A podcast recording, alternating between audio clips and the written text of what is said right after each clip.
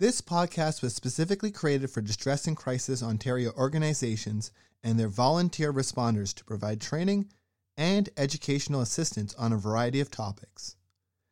As information evolves and changes, these podcasts are meant to offer ongoing support with the goal of updating them on an ongoing basis. We thank the volunteer responders and the contributors to this podcast. Please visit our website, dcontario.org, for more information and how to access free mental health services. Thank you.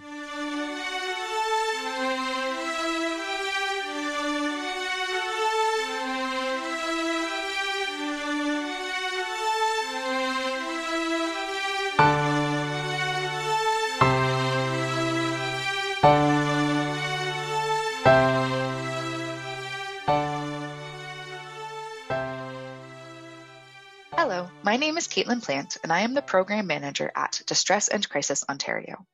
As an ally to the First Nations, Metis, and Inuit peoples of Canada, we seek to support their efforts for truth and reconciliation in social justice initiatives.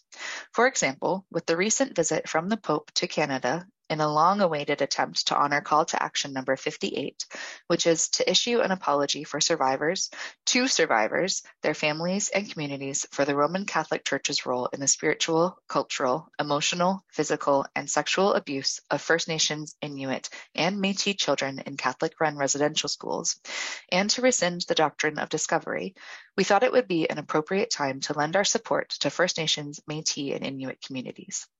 Engaging in meaningful conversations, our aim is to use our privilege to learn, raise awareness, and build relationships for social justice. We hope to improve engagement, provide resources, help build healthy communities, and explore how we raise awareness for social justice in alignment with the United Nations Declaration on the Rights of Indigenous Peoples. To start, we have reached out to some agencies, as well as two of our member centers who support First Nations, Inuit, and or Métis communities to ask for their guidance on these subjects. Today, I am joined by Melissa Ireland. Melissa is an Indigenous holistic social work professional with a passion for inclusion and education. She is an advocate for wellness and connection to communities and culture, a connector, mediator, and motivator, and a circle keeper and workshop facilitator. She also facilitates Indigenous relations and outreach at Qualia Counseling Services. So, Melissa, thank you for joining me today. Could you please begin by telling us a bit more about yourself and the work you do at Qualia Counseling? Yeah, thanks so much, Caitlin. I'm so happy to be here today. So, my name is Melissa Ireland. I also go by Wabscape Benassi so that's Anishinaabe or Ojibwe word uh, meaning White Thunderbird Woman. I come from Curve Lake First Nations. It's a small community north of Peterborough, Ontario, and I've been living in Waterloo region for about 22 years. I moved here to do my undergrad at the University of Waterloo uh, in 2000. And then I've been here ever since. So now I'm uh, raising my family and living and working in community. So I uh, see my role um, at Qualia in Indigenous relations and outreach, uh, really connected to who I am as an Indigenous woman um, in terms of my passion for mental health as well. So I uh, was lucky enough to do uh, my, my Master's of Social Work in the Indigenous field of study at Wilfrid Laurier University between um, 2015 and 2017 while I was working full time at the University in Indigenous Student Services. So I uh, was lucky enough to um, f- develop a passion for serving and supporting Indigenous students. And that really led me to exploring um, Indigenous holistic uh, mental wellness and support. So, in my role at Qualia, um, I'm about um, 80% of my role is being in um, Indigenous community, attending events, uh, setting up programs, workshops, either with in partnerships of other agencies or leading um, programs as as Qualia, or um, I'm also doing a small caseload of clients. So I'm also um, a psychotherapist and clinician, and I'm seeing about six to eight clients at any given time. So that is a little bit about what I do. Um, for those of you who don't know about Qualia, we're an Indigenous owned, co-owned counseling company. We have uh, office locations in Waterloo, in Cambridge, Brantford, and Six Nations. So we have a large range of clinicians and, and different modalities of healing that we offer. Everybody is rooted in CBT or cognitive behavioral therapy, but all the clinicians who work there come in with a mix of different modalities, not just CBT. So I'm, I'm really happy to be there um, as an Indigenous woman. Um, supporting Indigenous clients in my role specifically and working under an Indigenous co led agency. Yeah, that that's wonderful and actually leads really well into my next question, which focuses on something that Qualia's website says.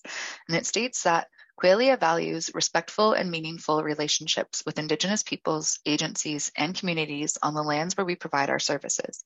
The mental health services and teaching we provide are rooted in culturally responsive approaches, centered with trauma informed lens, and steeped in anti racist frameworks. We are known as a workplace that honors Indigenous traditions and worldviews. Why is it so important that counseling agencies like yours provide these services centered in Indigenous views and allyship?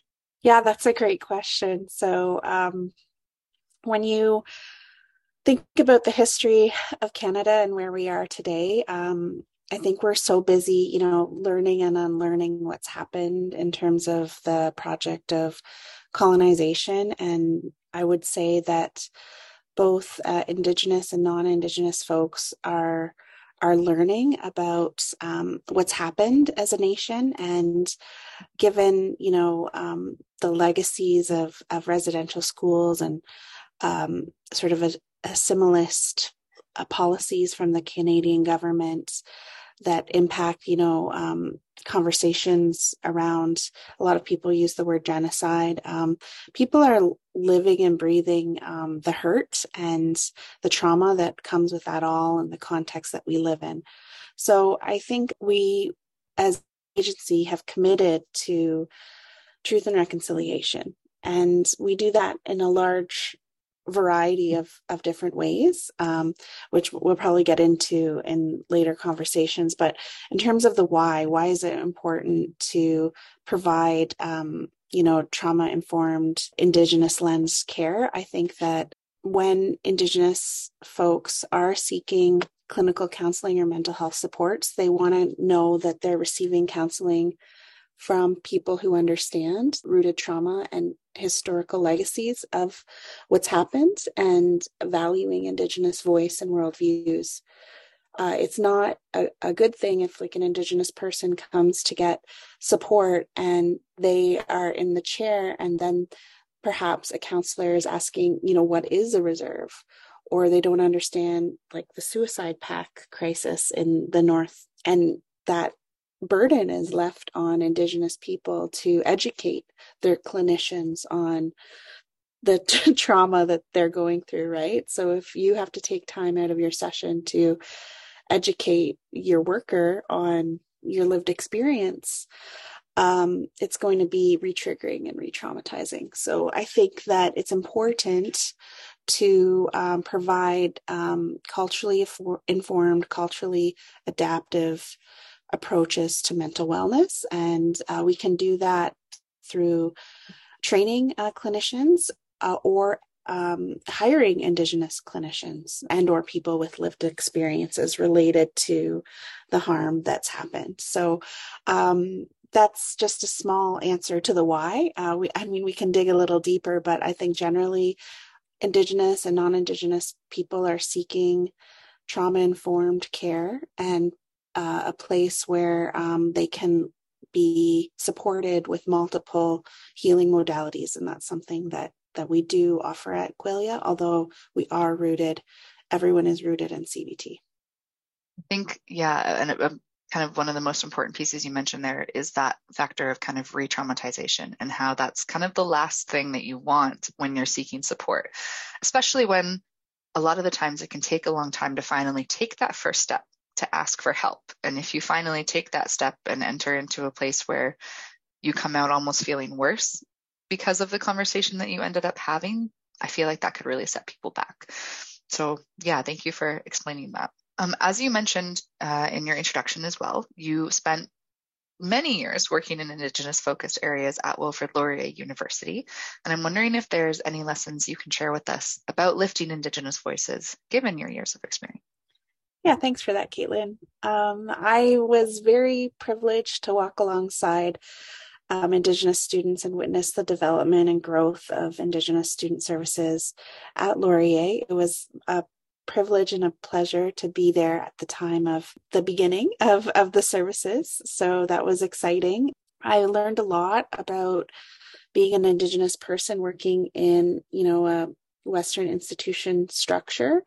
Um, and I also um, spent a lot of time doing community development work. So I think one of the most important things I learned was building authentic relationships. Um, so that was something that over and over again, when challenges arose, having rooted authentic relationships, not just with students and other Indigenous community members, but being in good relationship with um, decision makers and other leaders at the university was very important. So it didn't, I would say, be a quick fix. It wasn't just like be in a relationship check. It was over time, long developed understandings and opportunities where we not only learned about how the systems and structures worked, but also um, the reciprocity of the people in leadership learning about indigeneity and decolonization. So it was really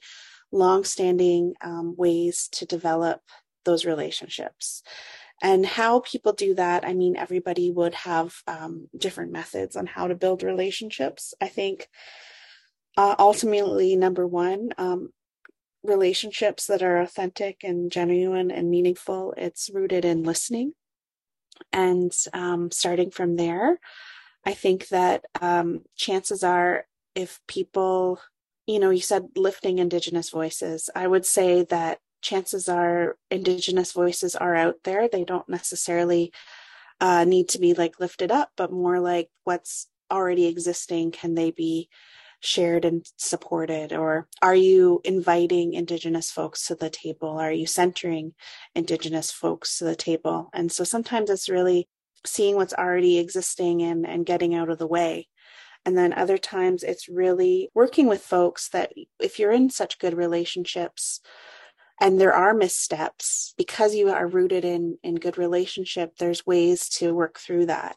And my experience of, you know, because when you're doing this work and everybody's learning and unlearning through trauma and, and hard times and, and hard, really difficult emotional legacies, there's going to be times where um, people don't know that they're harming or hurting, right? So if you can get into a place where you're you're you're being able to call in or call out or hold accountability to folks that are doing the harm um, in a good way, um, that can help. Um, so so number one, I would say a strength of working on building relationships is pivotal if you're going to be um, working uh, in either urban indigenous communities on reserve off reserve.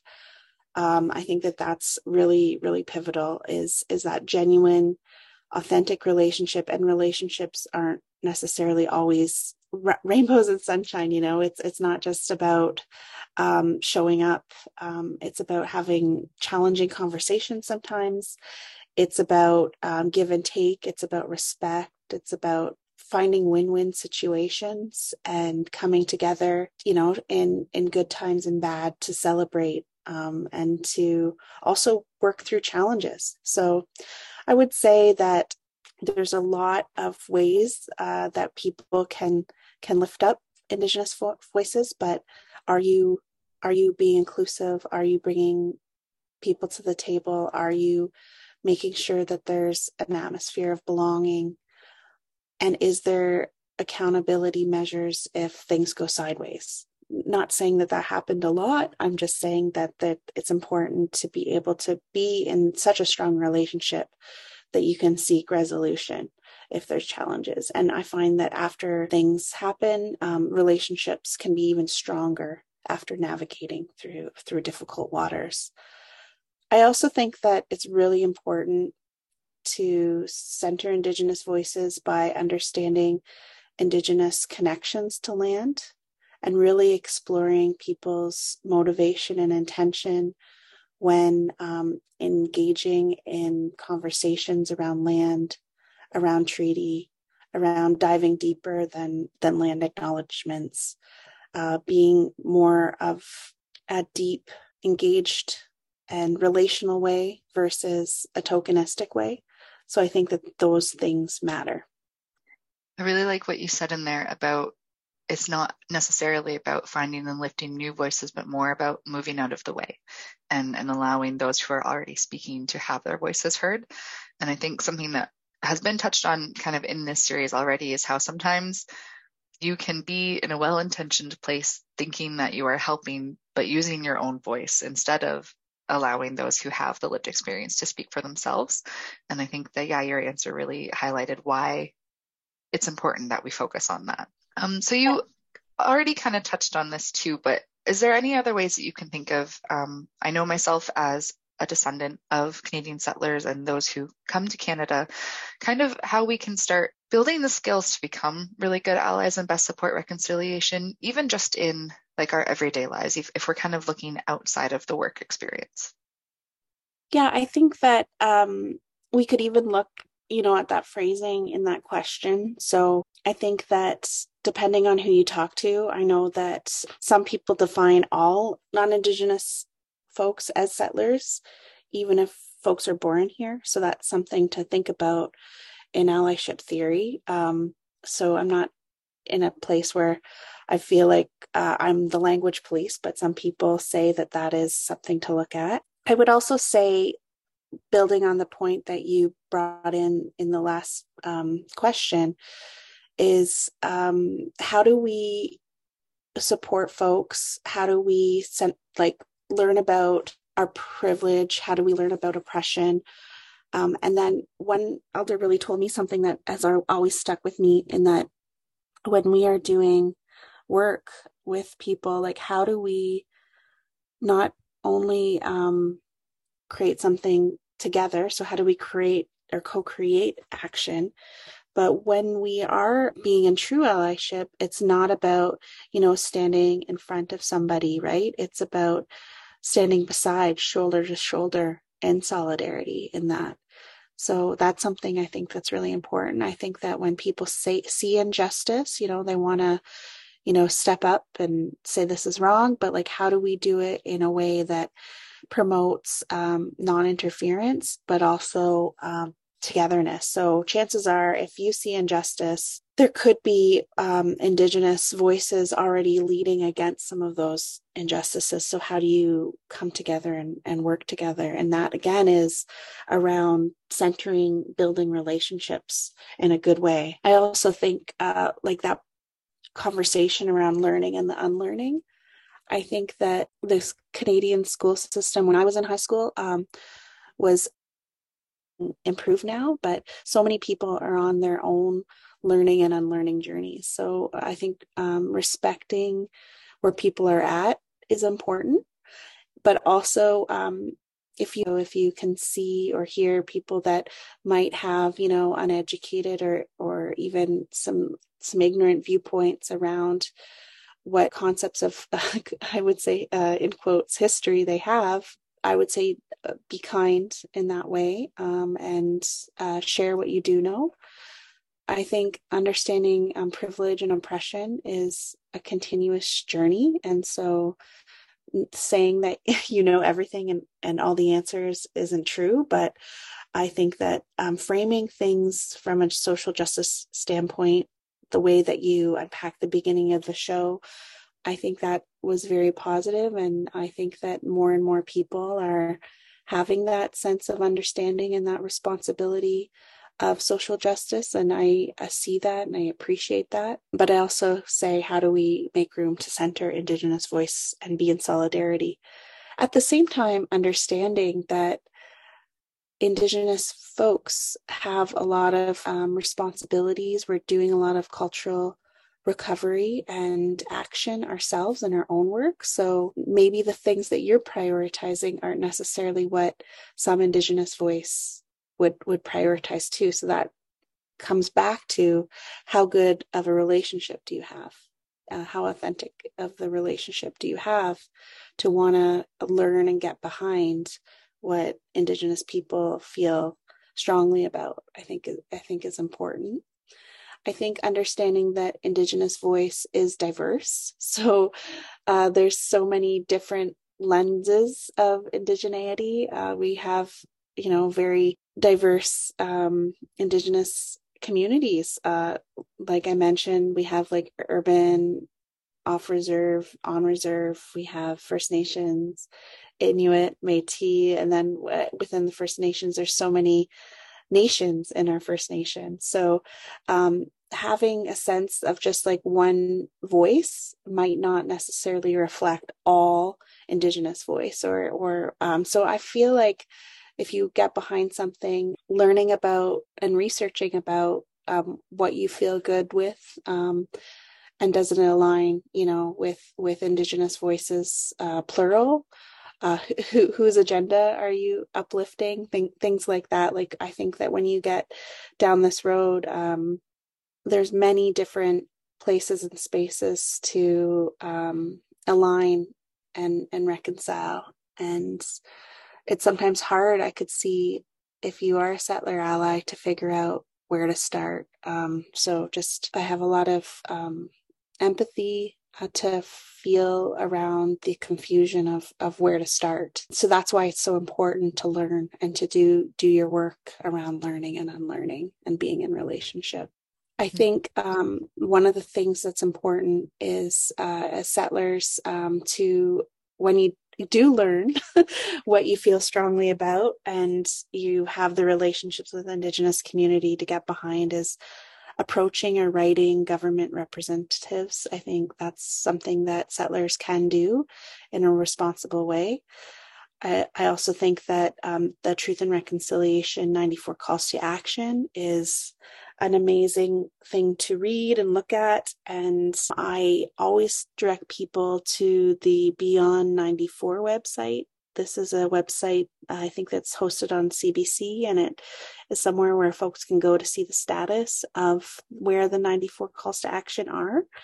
And thinking about that, um, what are your gifts, right? Where where do you, um, I had an elder say, you know what? There's 94 calls to action. They haven't been completed. If you want to do something, read one and pick one. and I, I, was like, that's very powerful. Um, and then they said, once you've done one start working on another one.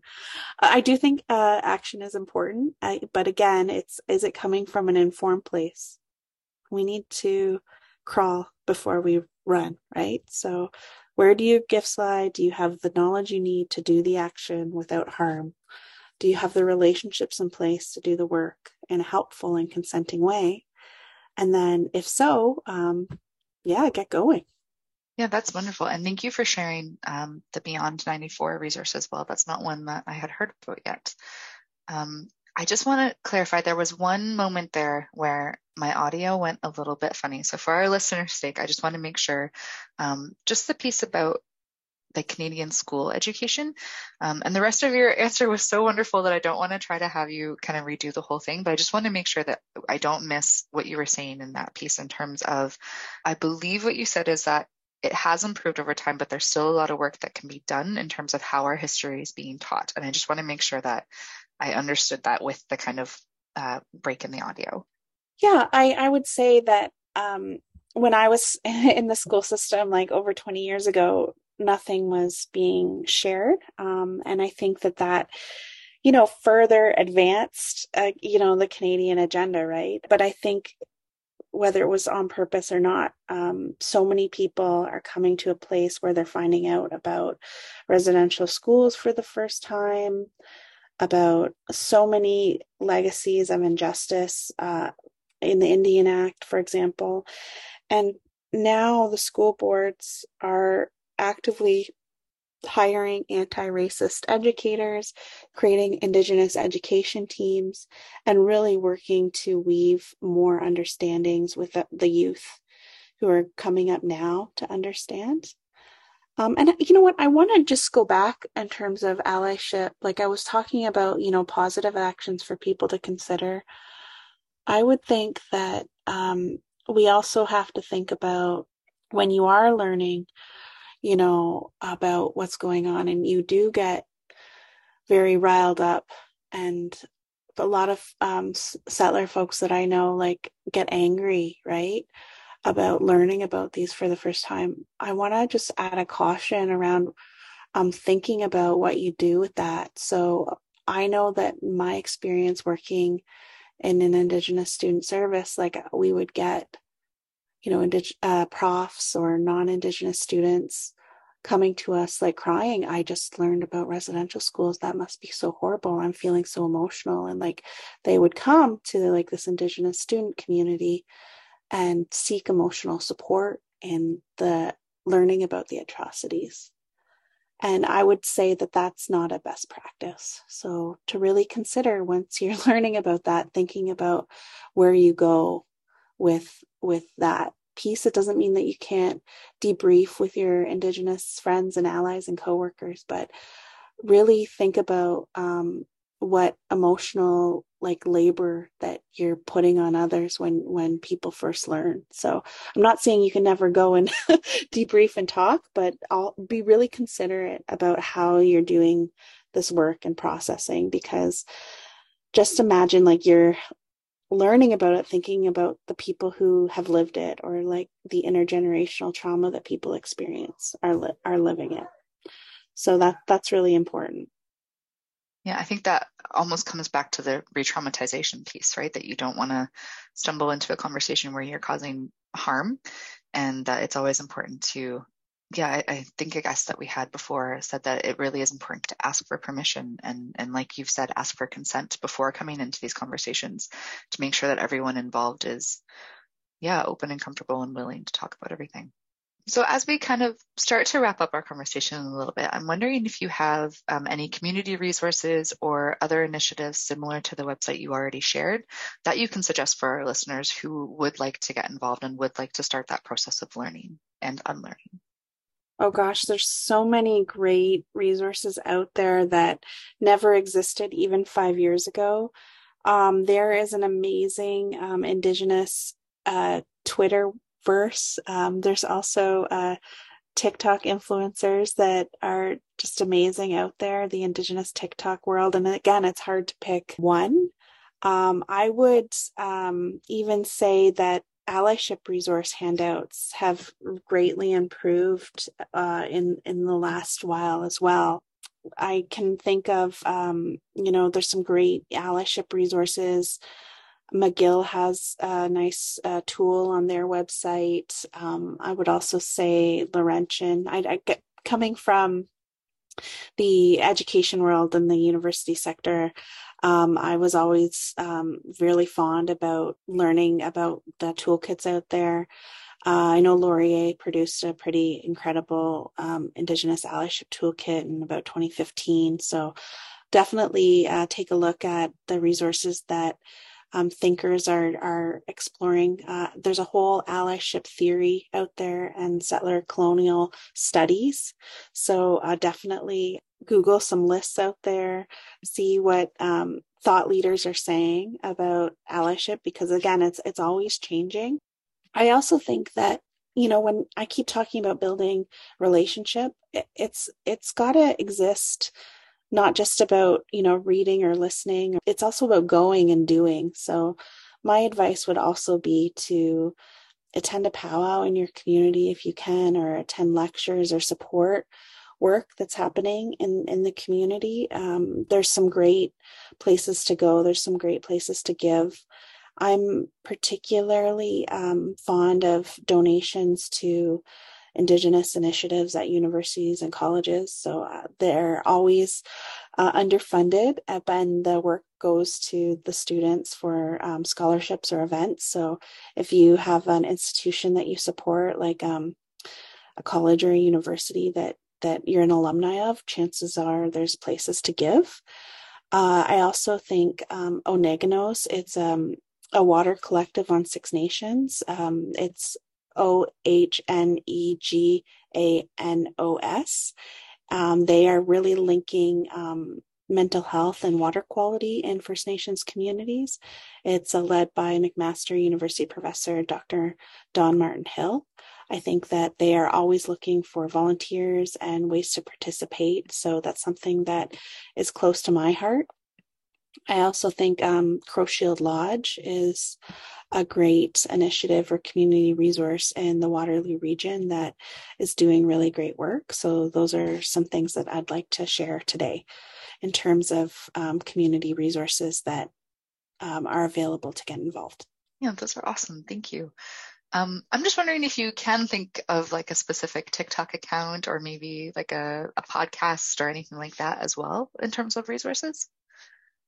Yeah, a series of indigenous uh, podcasts called indigenous150plus.com. So they are training indigenous youth to become podcasters and they have a series of podcasts on their website. So I would definitely check out that. Um, I love future history on APTN. I love um, Pam Palmater on TikTok. She's, um, think, a prof uh, coming from uh, former Ryerson University. So I think Toronto Metropolitan University, Dr. Pam Palmater, she's on TikTok. Uh, I really like uh, Colinda Clyne. She's an anti racist educator, uh, and she does a podcast called Anti Racist Educator Reads. And I really strongly recommend that. Colinda is an education lead in the Guelph District School Board. There's a good book that I can say I really enjoyed reading. It's a great first primer, uh, Indigenous Writes, uh, W R I T E S, by Chelsea Vowel and uh, 21 Things You May Not Know About the Indian Act. That's by uh, Bob Joseph. I also think um, CBC Radio has uh, a great show, Reclaimed, and they offer a podcast called um, The Secret Life of Canada. That's got a lot of really great Indigenous content. So uh, get out and experience Indigenous community and culture when you can, but those podcasts or books are some of the ones that I've enjoyed recently. Awesome. Thank you so much for sharing that. So, is there anything else that you would like to add that we haven't already covered today?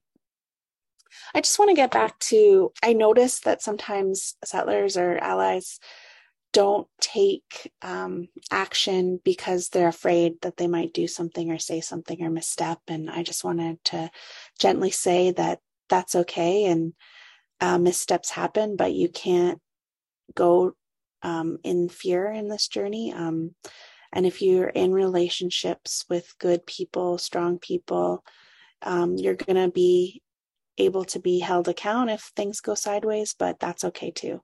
So it's about how do you um, pick up and how do you do things in a good way? How do you listen and how do you um, center uh, Indigenous voice? Yeah, thank you.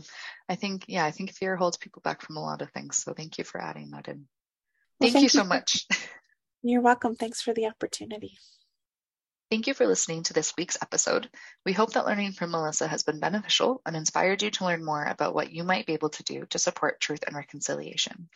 If you would like to view the calls to action compiled by the Truth and Reconciliation Commission of Canada, you can find the document on our website at www.dcontario.org forward slash category forward slash learn. If you would like to learn more, the Ontario Federation of Indigenous Friendship Circles works to support, advocate for, and build the capacity of member friendship centres across Ontario, as well as providing resources and opportunities for learning and training. You can find them at www.ofifc.org.